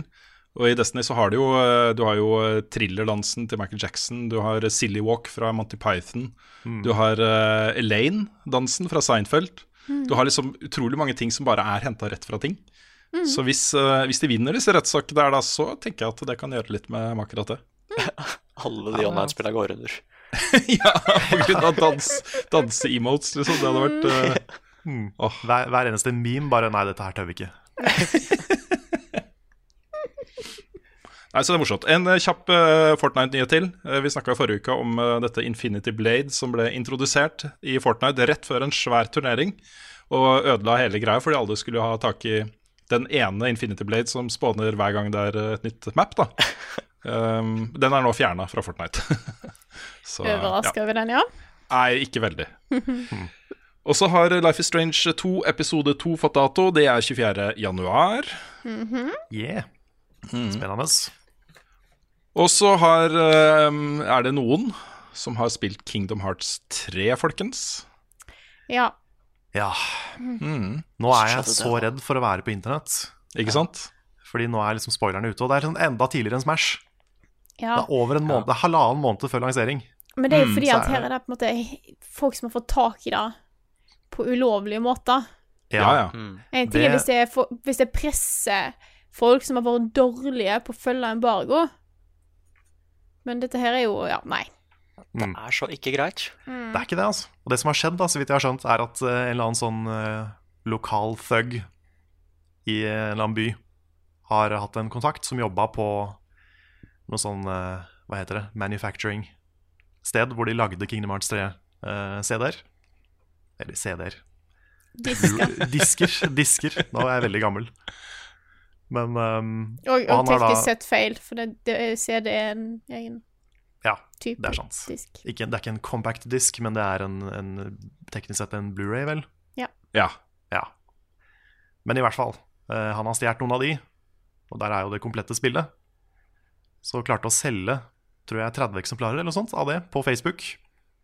Uh, har visstnok blitt tatt, da. Men, uh, men Men når du visst selger på Facebook, så er det ganske Ja, det er ikke så smart. Jeg tror ikke han var så Altså. smart. Og han liksom, når han ble spurt åssen han fikk tak i det, så var det bare 'I'm the man'. Så det er liksom, han, er, han er en sånn der eh, Wow. Han er ikke en fan av noen ting, han er bare en drittsekk. Ja. På en måte. Han er kjent i, i nærmiljøet for å rane eldre. Å, herregud. Så Det er et prima fyr, dette her, altså. ja, Ja. kjernekar. Ja, ja. Be beste ungdom. Rett og slett. Så, så dette er en douchebag som har fått tak i noen uh, tidlig kopier og solgt. Jeg vet ikke om liksom, folk har begynt å laste opp endings og sånn, men eh, jeg, jeg blir jo litt nervøs. Ja, det er, ta, hold deg unna. Nå har jo utviklerne gått ut og sagt at eh, de viktigste, aller viktigste plottpoengene i spillet ikke er på disken. Ja, det, det er ikke helt riktig. Det de, det de sier, er at det er, en sånn, det er alltid en etter credit-scene, sånn som i Ja, Marvel-filmer. nettopp. og den okay. har de ikke patcha inn. Nei, nettopp. Sånn var det. Ja, så hele, Men Ja. hele spillet kan jo potensielt bli spoila. Ja, det er sant. Så den etter, etter credits-tingen er ofte det som teaser neste spill. da Ah, okay. ja. Så det er den som ikke er i, i selve spillet ennå. Så det, teaseren av at det har kommet Kingdom Hearts 4 i 2030, Ja. den, for, den, har vi, den blir ikke spoiler, da. Nei. Mm. Men det er ofte de liksom, kuleste cutscenene i verden, Ja. de der teaser-tinga. Ja. Nettopp. Så det er, Nei, det er bare å holde seg unna nettet en stund, tror jeg. det er det. Jeg, er liksom, jeg henger litt på den eh, redditen, subredditen Mm. til Kingdom Hearts. Er Der har de heldigvis null toleranse for spoilers, men det det Ja. er fortsatt skummelt. Ja. Greit. Eh, jeg ville bare nevne igjen at eh, et av årets eh, beste spill, som jeg dessverre ikke har fått spilt nok, det heller, Subnautica, kan du nå laste ned gratis på Epic Game Store, den nye eh, storefronten til Epic. Oh. Og Det er fram til 27.12. Hvis du ikke har gjort det, se for guds skyld å gjøre det, liksom. Det er gratis. Jeg Det er gjorde det, i gratis. forgårs. Du går inn, Og så lager du en konto, og så trykker du på den, og så trykker du eh, download eller kjøp eller hva det er. Kjøp, og så står det at det koster null kroner. Do it Mm. now. Mm. Uh, yes. Jeg er sykt spent på Epic Game Store om to år. Ja, jeg også. Ja. Mm. Oh. Nei, det er jo det lekreste i verden akkurat nå. Det snakka vi litt om i forrige uke også, men nå er det så lekkert. Svære, flotte bilder og, Mm. og sånt. Det, ja. det er kanskje mye lettere å gjøre hvis halvparten av spillene på den fronten er ting som ikke er ute ennå. Altså som de, altså de har ikke nok spill å selge til å fylle opp en hel side, så det er mye sånne kommer snart-ting. Ja. Journey, for eksempel. Ja. Så ja. Uh, og så, uh, i gate med det, da, så prøver jo Discord seg også som uh, spillbutikk. Det begynte de med tidligere år. Eh, nå har de gått ut og sagt at de vil tillate self-publishing, altså at indie-tuklere kan selge spillene sine direkte på Discord, og at de får eh, beholde 90 av inntektene. Og det er jo 88% på Epic Game Store, som er jo en av de store tingene som, som de eh, markedsfører seg som nå, som en indie-vennlig butikk. Eh, 90 da på Discord. Det er jo 2 prosentpoeng mer. Og det er mer penger, da. Når du selger spill og tjener en del penger der, så er det mye penger med de to prosentene. Ja, og det er i hvert fall 90% er jo mye bedre enn 60, som jo er normen på Steam, ikke sant? Mm. Eh, eller 70, som er eh, på PlayStation Store og sånt. De tror jeg tar eh, 70 Ja. Og så 30 da, sånn at de sitter igjen med 70. Ja, Valve har vel en sånn kultur om å liksom De tar tak i det de vil, virker det som. Ja, Altså, ikke sant? Ja, vi skulle kanskje rydda litt opp i Steam-biblioteket, men det er ingen som gidder. Nei. Så må det er kanskje sunt at de får litt, litt konkurranse, altså. Ja, det hadde vært veldig, veldig veldig sunt, tror jeg, om, eh, om de begynte å se litt på hvordan de selger spill nå. Altså. Ja. Det er nesten umulig å finne, finne ting der nå, syns jeg. Mm. Ja, i hvert fall hvis du bare, hvis du bare browser, liksom. Ja. Ja, for alle de der anbefalt-listene mine Nå har jeg litt sånn schizofren spillsmak, da, så jeg har liksom kjøpt en del ting fra forskjellige sjangere. Men alle de der anbefalt-listene som Steam prøver å komme med, er jo bare helt høl i huet. Det er bare ting jeg ikke har lyst til å spille. Ja. Så um, ja. Greit, men det var det jeg hadde funnet fram som siste nyhetsbolk for 2018. Kommer Ruen sin standup på DVD, eller? Jeg selger et guttenavn. Hva er det beste karet sitt? Hvilket språk snakker Frida egentlig? Hvorfor er Mario rørlege? Vi har fått inn en drøss med julespørsmål som hadde tenkt å svare Hadde tenkt, har tenkt til å svare på. Vi hadde Eh, egentlig tenkt å svare svare på det, å så tenkte vi vi tenkt å ok, droppe det. er det, ikke, er det ikke nok jul nå ellers i samfunnet, liksom? Nei. Nei. Nei. Så vi har fortsatt nå òg tenkt å svare på julespørsmål. Så vi Mhm. kan begynne med et fra Lasse Meyer Antons, Antonesen, som skriver Hvis dere kunne skreddersydd en perfekt julaften, der alt går som planlagt, og dere fikk alt på deres måte, hvordan vil den sett ut? God jul, folkens. Det har endra seg litt for meg. Altså, jeg er veldig glad i jul. Julaften har alltid vært den, liksom, den største dagen i året. Mye pga. maten og pynten og julegaver og alt det der. Ikke minst så er det kjempedeilig å bare ta av seg dressbuksa etter eh, middagen. Ta på seg en uh, kosebukse, og så bare sitte og se film og spise marsipan og Hvis man orker, da, etter alle ris riskremen. Men uh, det er liksom veldig tradisjonelt. Alt som jeg liker med jula, er veldig tradisjonelt. Men vi har et uh, vennepar som reiser til Florida hver jul. Og de begynner å poste bilder liksom rett før julaften. De reiser uka før jul, liksom. Og så begynner de å poste bilder fra stranda og fra surf and turf og øh, mat, da. Mm. Sånne ting, liksom. Og da er det sånn åh, vet du hva? Det hadde Det hadde vært så digg å vært et sted hvor det ikke er sånn Altså, det kan godt være julepynt rundt omkring, liksom, men hvor, uh, hvor ting bare blir lagd for deg, eller det er uh, varmt, eller uh, ja. Ja. Så jeg har lyst til å gjøre det snart, hvis jeg har råd. Aldri. Om jeg hadde reist til plass, eh, ikke feira jul på en måte hjemme med familien og greier, det for meg er utenkelig. Mm, men vet du hva, Frida? Det, sånn var det for meg også. Helt Ja. til det ble mitt ansvar og kona sin da, å lage den jula. Ja. Det å komme hjem til jul Og så Det ville jeg aldri bytta bort med noe, på en måte. For det er liksom den følelsen at du kommer hjem, og det er eh, maten smaker dritbra, og alt er pynta, og du eh, må ikke vaske si huset sjøl. smaker Og... drit. Ja, jeg Så, så det- ja. Men uh, når du må lage jul sjøl, så begynner man å få sånne tanker. Hva om jeg ikke trengte å lage jul sjøl? ja, ja, jeg ser den. Mm. Ja, for du kan, ikke, du kan ikke bare legge det på besteforeldrene til eh, Sam og Mika. Nei, vi gjorde jo det litt da uh, i starten, men uh, gud bedre, de har lagd jul for oss i over 40 år, liksom. Nå er det greit at de får lov til å slippe. Ja. For det er, det er mye stress, altså. Det å lage jul. Det å lage jul, være ansvarlig for å lage jul. Og det ikke bare er det selv da som får lide hvis ikke jula blir bra. Det er et stort ansvar, altså.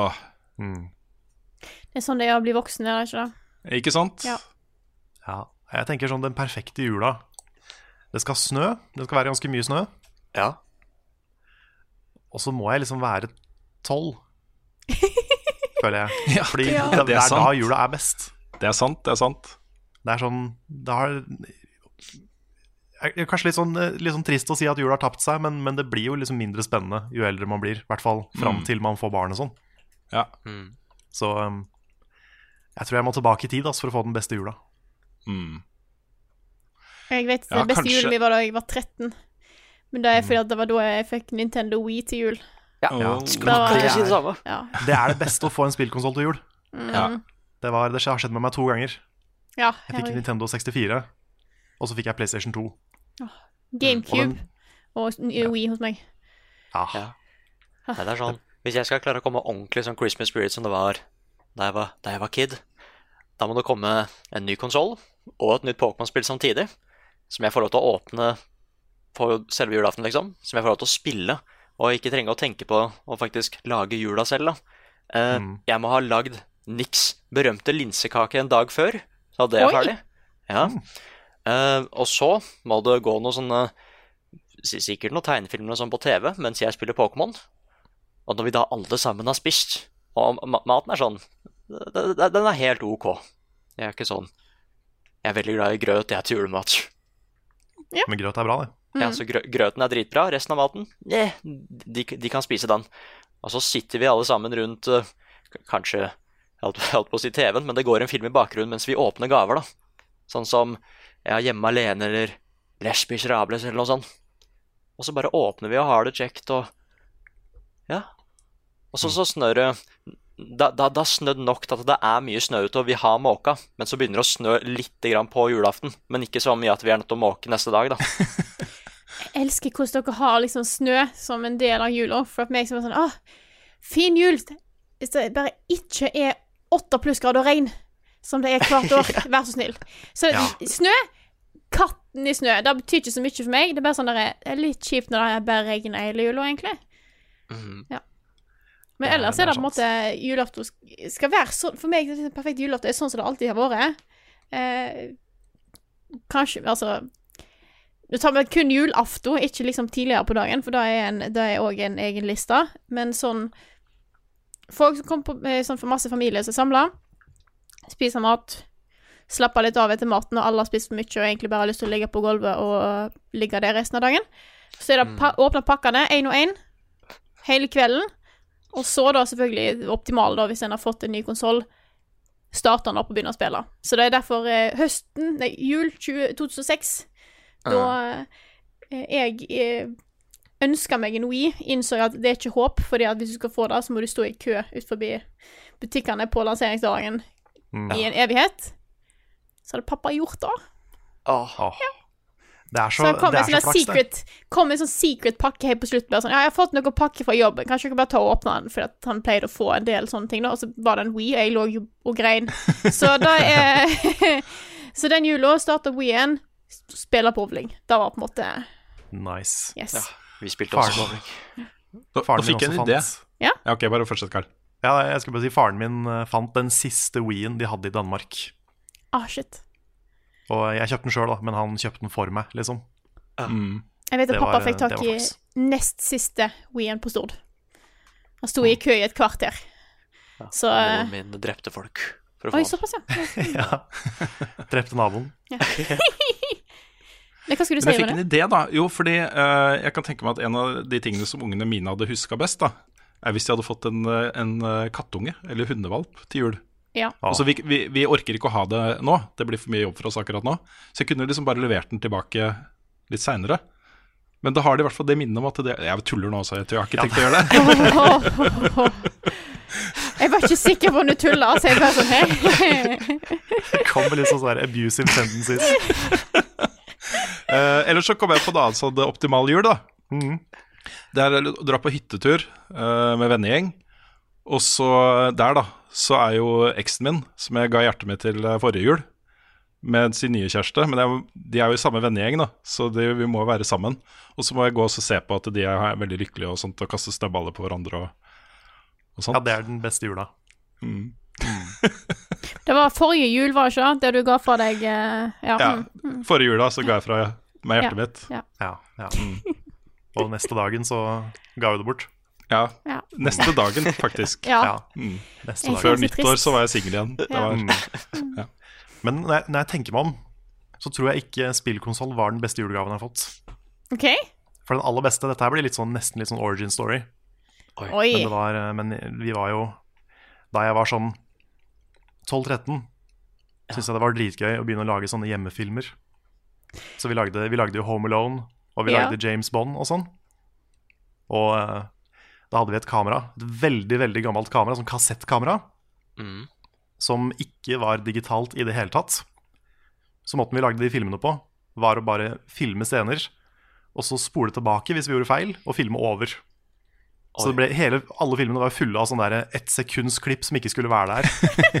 og sånn. Så det var jo bare, det hang liksom ikke på greip. Åh. Men så var det en jul jeg ikke ante hva jeg skulle få. Og så var det digitalkamera. Å, shit. Wow. Og det var så fett. Ja. For da bare, jeg husker bare den der følelsen av liksom, nå kan jeg lage alle ideene mine. Mm. Og bare nå kan jeg lære meg Windows Movie Maker. Og jeg kan lage de beste filmene. Så jeg satte meg ned i juleferien og bare skrev manuset til James Bond. Don't die today or tomorrow, it's not enough. og så filma vi det, og lagde Ja. en time lang James Bond-film. Er det den du har vist klipp av? Er mulig.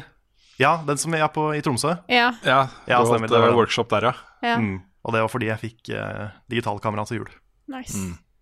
ja det var en uh, flott gave. Det var en veldig bra gave. En av de på en måte Jeg husker en av de sånn rareste presangene jeg fikk. Jeg, jeg satt der, det var jeg og søskenbarnet mitt som var klare over sånn Hva er det vi får nå? For det er vanligvis så sitter det, er det jo bare masse pakker under treet. Og sant? Du klarer ikke å kjenne igjen Er dette her noe kule greier? Noe andre noe kule greier? Og her står vi plutselig i stua med pakker som er sånn en meter nesten i diameter, nei, halv meter i liksom alle retninger. Gigantiske greier! Og vi sitter bare sånn Hva i svært er dette her for noe? Da fikk vi hver vår saccosekk. Det var egentlig ganske kult, men det er bare oh, den der følelsen wow. bare sånn Hva er dette her? Det er noe svært. Det kan være hva som helst i hele verden. Den følelsen Mm. som liten, den var ganske gøy. Det kunne vært et mummitroll, for eksempel. Kunne vært Mummitroll. Kunne vært. Mm. Skal vi hoppe videre til neste spørsmål? Yes. Yeah. Yes. Vi har fått et spørsmål fra Ole Jørgen Skjulsrud Hansen, som spør Har dere et spesifikt spill, kanskje et dere har gått glipp av i løpet av året, som dere skal spille i romjula? Yes. Yeah. Flere. Hva? Opptil flere. Skal jeg begynne? Oh, ja, altså, vi skal begrunne det også? Vi skal si Jeg hva? tenkte å liksom. si hva, hva spill, i så fall. ja, okay, okay. Det var ikke spørsmålet. Det var Nei. ikke spørsmålet. Det var et ja- og nei spørsmål der. nei-spørsmål. nei, nei, nei. Har dere et ja, spesifikt spill? Ja, ja greit. Et spesifikt ja. ja. Det neste spørsmålet, det Nei. Nei, jeg har, eh, jeg har tre spill. Eh, Altså, da tenker jeg veldig optimistisk at jeg skal rekke alle tre. Mhm. Men i tillegg til Red Dead, da, så er det Ashen, og det er Gris, og det er Celeste. Nice. De tre skal jeg få spilt før jeg lager topplista mi. Fin liste. Mhm. Mm. Jeg eh, har eh, Jeg har jo fått meg Spiderman, men jeg er usikker på om jeg skal dra sammen med PlayStation hjem. Så det kan være da blir nyttårsspillet mitt. Ja. Så planen min avhenger litt av hva jeg Nei, det avhenger ikke egentlig av hva jeg får til jul. Enten så får jeg Pokémon til jul, eller så kjøper jeg det sjøl etterpå. Det er vel egentlig en av de to. Så jeg skal spille Pokémon i jula. Hmm. Yes. Ja. Og sikkert Hollow Ah, Ja, jeg først. Ja, det er mulig at det faktisk blir Pokémon på meg også, fordi eh, det står eh, ganske høyt på lista over eh, tingene som sønnen min ønsker seg. Mm. Uh, og har mistanke om at det kan være koselig å spille det sammen med både han og, og dattera mi. da. Hvis dere gjør det, Så- Rune, Ja. så må vi lage en sånn Pokémon Film i tull-video. For det, det har jeg lyst til å prate om. Ja, kanskje. Kanskje. Vi får se. Det er, det er mulig at jeg blir med de bare litt, og så får se litt uh, ja, Kanskje det er så gøy at du blir med på alt. kanskje det, kanskje det, kanskje det. Men eh, det som står øverst på min egen liste, det er faktisk Det er litt sånn hakk i plata, men eh, etter at eh, Black Armory kom ut til Destiny 2, så har jeg ikke hatt tid til å spille det. Og Nå sitter liksom Destiny-kompisene mine og maser, for de har lyst til å gjøre ny raid og sånne ting, og jeg kommer meg ikke opp i power level, for jeg har spilt masse andre ting. Og gjort klart video for jul og sånt, så det, er, det står høyt. Jeg må komme meg opp der. Jeg har lyst til å spille nye raidet med gutta, gutta boys. Uh, ellers så har jeg også uh, hatt på lista mi helt siden det kom ut uh, Assassin's Creed Odyssey. Det har jeg lyst til å spille. Så eh, det håper jeg på å få tak i. Jeg vet du kan faktisk få det gratis nå hvis du klarer å lure Google til å tro du er amerikansk. Ja. Så kan du være med på et sånt forskningsprosjekt hvor du skal teste en ny streamingtjeneste til Google i en time. Og når du er ferdig med det, så får du Assassin's Creed Odyssey til PC. Så jeg skal kikke litt. Kan hende at noen har funnet en eller annen lur måte å gjøre det på, og få den, den koden. Pro tip Så- der, altså. Mm. Men uh, ellers så regner jeg med at det er sånn typisk spill som i hvert fall blir slått av en par, par hundre kroner på salg og sånt, så jeg skal følge litt med der. Mm. Mm. It's a good one. Yes. Mm. Ja, Og så blir det nok eh, mye Red Dead Online, for nå har jeg tatt alle singleplayer-trophyene. Absolutt alle. Det er bare online-trophyene igjen. Og du er straks på platinum, da. Ja, straks og straks. Ja, men det, det kjipeste der er å vinne Du må være MVP i tre deathmatch-kamper. Er den vanskelig, Nick? Ikke for Nei. deg, kanskje, men Nei, for meg. nei. Nei, eller uh, Matchmakinga er ikke helt så bra. Så jeg, jeg tror ikke det kommer til å ta så lang tid, faktisk. Ok. At det, det er veldig sånn Bare så lenge du veit åssen du skal sikte med våpenet, så går det mm. greit. Okay. At den radicalen blir mindre jo lenger du venter, for det er det nesten ingen som veit. Ah, Ja, så bare bruk den. Aha. For meg så har på en måte runeskalaen blitt sånn der skala på hvor vanskelig er det å få tak i platinum i et spill. Fordi at du har en tendens til liksom bare kjøre på det er sånn En dag så hører vi snakke om Ja, jeg har begynt på Dark Souls eh, et eller annet. Og så går det vekk neste uke Ja, nå har jeg platinum i Dark Souls et eller eller ja, annet. ja. Så nå når du sitter, de sitter og du får ikke fått platinum i et spill som kom ut for snart to måneder siden, da begynner jeg å tenke på sånn da, Platinum der er ikke, det er ikke, det er ikke oppnåelig, faktisk. Ja, for- Det- Jeg nevner to ting der. da For det første, det er noen, noen av disse trophyene i Red Dead, singleplayer, som, som er skikkelig dårlig gjort av Rockstar. Og sånn grinde helvete. Det er noen av de som er sånn.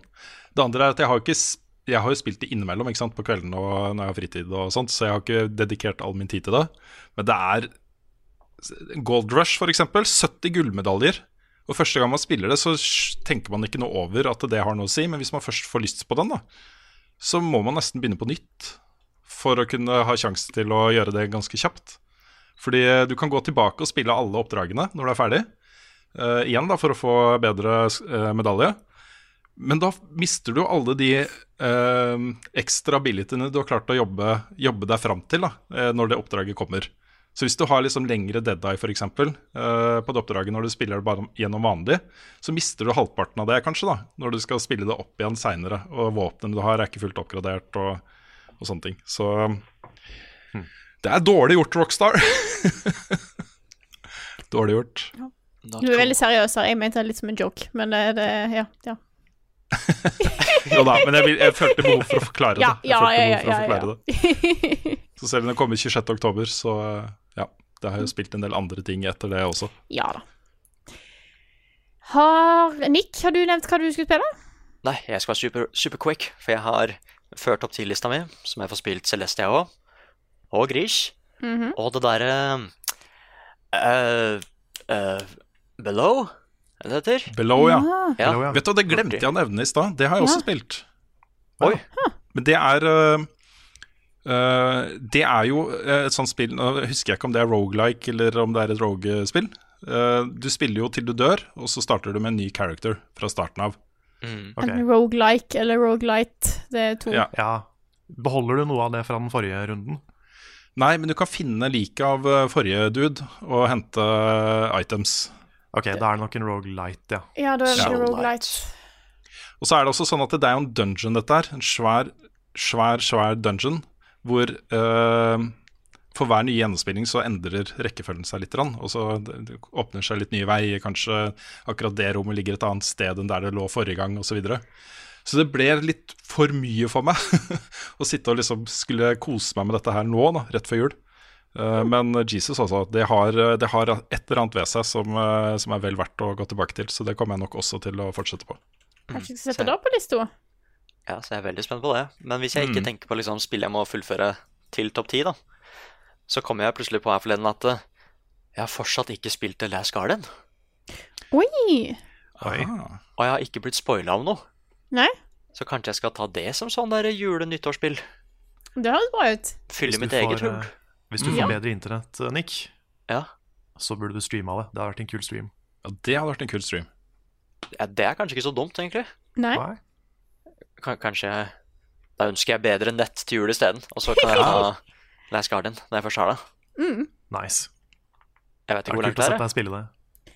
Eh, Det er ganske beefy. Jeg mener å huske at jeg brukte sånn rundt 20-25 timer eh, på det. Oi, såpass, ja. Men det er mulig jeg husker feil, altså. Men jeg bare husker det som ganske beefy. jeg skal ta og sjekke på How Long To Beat, jeg. Mm. Ja, for kanskje det kunne blitt en sånn Niklas, uh, Niklas spillstream. Ja. Hvor jeg bare setter meg ned og streamer Cirka hele. 12-13 timer. Å ja. Ja, ok. Var ikke verre. Nei. Checks out. Ja. Så, så, så kanskje. Kanskje, kanskje. Da, eh, siden eh, Ja, skal, skal dere ta et spørsmål? Eh, ja, jeg kan ta et fra Jeg har lyst til å fortsette jula litt til, jeg. Kjør Ja. Et fra Magnus eh, Siem. Favorittjulesang. Dette er jo, dette er mange av de tingene er jo ting vi har snakka om før, men, men tenker sånn Nå er det jul, liksom. Det er en, nesten en julepodkast. Ja. Så kan vi jo snakke litt om det igjen. Det er jo bare én. Chestnuts roasting on an open fire. Jeg vet ikke om det er det han heter, men det er det han starter med. Ja. Den er fin. Juleklokkene ringer Ja. Nei, det er, det er min least favorite. Ja. Ja. Men um, Jeg sier det. Jeg syns Let It Snow er ganske catchy. Mm. Eller så um, Jeg vet ikke. Min er og blir eh, Le Cantique de Noël, eller eh, O helga natt, som eh, den er kjent Åh. som her. Ja. Det er Jussi Bjørling-versjonen som, som er mest kjent her, da. Men eh, hør Pavarotti-versjonen, f.eks. Å ja. Jesus, altså, at den er bra. Eller Røyksopp-versjonen, som også er kjempebra. Men det er noe med den eh, Ja, den er fantastisk. Og den heter Løk Cantique de den også. Søk den opp på Spotify. Um, veldig, veldig bra, altså. Ja, men, men dere tar alle feil. For det er. Fairytale of New York. Ja, den er jo fantastisk. Å, den er herlig. Den Det, jeg. det, jeg. det, det er sånn derre Hvis noen liksom spør bare når er det du kommer i ordentlig julestemning, ikke sant? Når er det liksom vinter og jul? Med en gang den sangen der dukker opp på radioen. Det er sånn, yeah, it, it's time. Mm. Den er så fin. Ja, den, den er liksom i eh, gruppe med alle de sangene som jeg eh, hørte da da jeg var ung, ungdom. Så det er den og Last Christmas og Do They Know It's Christmas og alle disse 80-talls, eh, tidlig 90-tallsslegerne. Mm. Kom jeg, kom jeg i julestemning. Men jeg, jeg, jeg, jeg syns Jeg elsker Fairytale of New York. Jeg bare syns teksten er så bra. Mm. For det er så, det er så mye de, de er ganske slemme med hverandre. Ja, ja. Mm. Det er bare en herlig kombinasjon. Åh. Yes. Er det noen som har et Mhm. annet julespørsmål liggende på lager? Jeg har lyst til å ta det fra Jan Erik Tronsen også. Hvilken julefilm må dere se hvert år? Alle. Alle. Eh, ja. Hjemme alene 1 og 2. Eh, I hvert fall. Kan du telle 'Grevinne og hovmesteren' som en film? Ja, kanskje. Ikke. Ja, ja, det er greit. Den, den må i hvert fall der. Det er jul, vi kan la det være innafor. Hva har dere? Jeg husker det eneste en si Ja, ok. Uh, okay. ok, Hjelp deg juleferie? Ja. Jeg må si den uh, Disney-versjonen av en julefortelling. Med oh, onkel ja, Skrue. ja. Det er den for meg. Mickey Mouse og vennene feirer jul. Jeg tror jeg snakket om den før. Den er litt sånn Mm. trist. Da jeg var ung gutt, så var julefilm nummer én for meg var Ivanhoe. Hva er Det er mulig at den slutta å gå før eh, dere kom i Ivanhoe-alder. Men det er en Ja, slags det- Robin Hood-fortelling. Den den er eh, helt nydelig.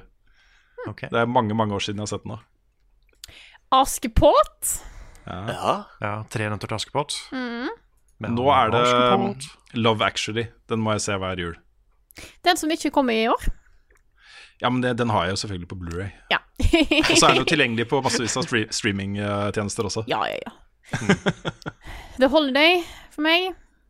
Jeg må Eh, også, også slå et slag for um, julenø- altså TV 2-nøttene med Espen Eckbo og han uh, Chris, Christian Ødegaard.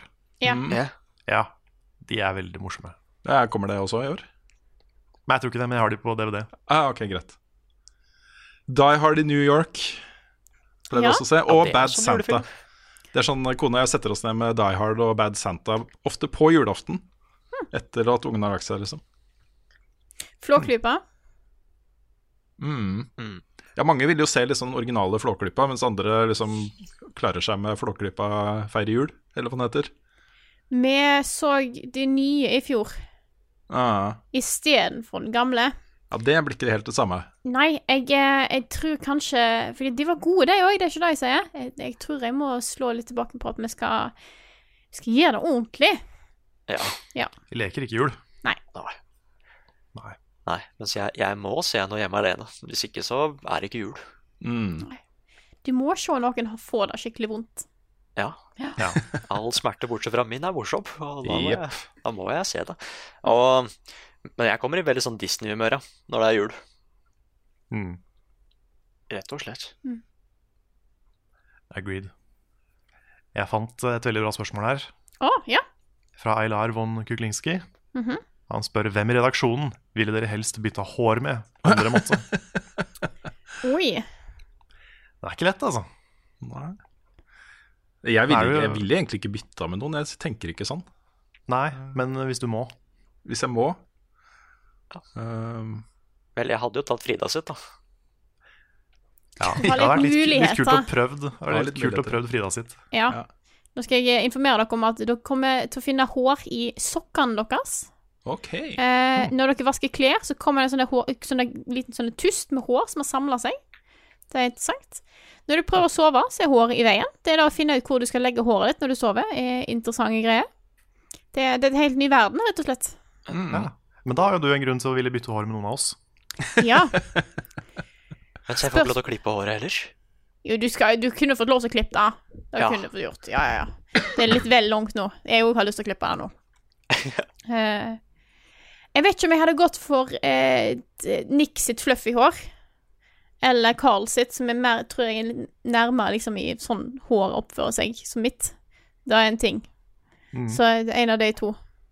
Mitt blir veldig sånn tjukt, så jeg får sånn palmehår hvis ikke jeg klipper meg. Vet Det blir sånn der, det blir en sånn palmehale. Ja. Slags tror- eh, white fro. Ja, ikke, ikke helt fro, men mer sånn at det blir liksom det, det, Ja, det blir en palme. En litt sånn hard palme. Ja. Jeg går for Nixit. Ja, jeg tror jeg også går for Nixit. Det er nærmest mitt eget. Jeg får gå for eh, Frida sitt, siden det er lengst, lengst unna mitt. Ja. Jeg kunne jo ikke ha gått for Lars sitt, så hadde det nesten ikke sett annerledes ut. Ja. Jeg vurderte det. Jeg sier Lars eller Bjørn, men uh, Mm. Eller Svendsen. Ja. Mm. Det, um, det hadde vært litt morsomt å bare prøvd Bjørn sitt skjegg. Ja, for skjegget hans har jeg lyst på. Ja. Så hvis, hvis eh, skjegget følger med, så sier jeg uten tvil Bjørn. ja, da føler jeg skjegget følger med, for det, er Ja, også Hvis hår. det følger med, da er det jo et opplagt svar. For jeg tror Ja, ikke du kan få samme skjegget, Frida. Kan du det? Nei. Nei. Men har du prøvd? Du kan på en måte si at jeg har prøvd i 25 år. Ja. Ja. På en måte så kan man jo det, og det er sant, Ja. det. Mm, det er sant. Ja, det må Yes. bli Nick. Mm. Nick, ja. Mm. Ja, da ble det Bjørn på meg, gitt. Og med eh, da hårbytte, så lurer jeg kanskje på om vi skal ta en runde av, fordi vi har jo en eh, podkast til å spille inn i dag. Det har vi. Det har vi. Så nå spoiler jeg igjen at vi skal spille den inn etterpå. Men Breaking Da- illusion. tror jeg at Da tror jeg at vi skal komme med en ekstra stor julehilsen til alle dere som støtter oss på Patron. Vi håper at dere får en fantastisk julefeiring, for dere er bra folk og fortjener det. Det fortjener dere så sjukt, altså. Og det er eh, det er så unikt at vi fortsatt ligger på liksom 10 000 dollar i måneden, og det er liksom akkurat nok til at vi kan holde den skuta her flytende, og det er bare pga. dere. Mm. Så det er, eh, kommer jeg til å være ekstra takknemlig for uh, i jula. Takk skal dere ha, folkens. Tusen takk. Tusen takk. Thank you. Og med det så sier vi takk for oss. Eh, takk for at du hørte på denne episoden her av Level Backup. Bare én liten ting til, Frida. God jul. Beklager å ødelegge midt i avslutninga di. Ja. Men jeg syns vi også må takke Kyosho Orchestra for nye vignettmusikken vår denne uken også. Og til eh, Christian og Martin for de fantastiske vignettene. Så eh, Yes. herlig at vi fikk pussa opp podkasten vår da vi runda 200 episoder i høst. Yeah. Og så vil jeg takke alle de andre i Leveløp for et bra år og masse oh, ja. bra videoer og masse koselig samarbeid. Ja. Det har vært bra år, folkens. Det kan vi, kan vi være stolt av. Mm. Det syns jeg. Mm. Jeg syns det. Får jeg lov til å avslutte? Ja, nå har jeg ikke mer. Nå har jeg ikke mer. Nei, OK. Er helt sikker. Ja, helt sikker. Og så vil jeg takke mamma Ja. og pappa. Nei, du- du kan avslutte nå. God jul, alle sammen. God jul.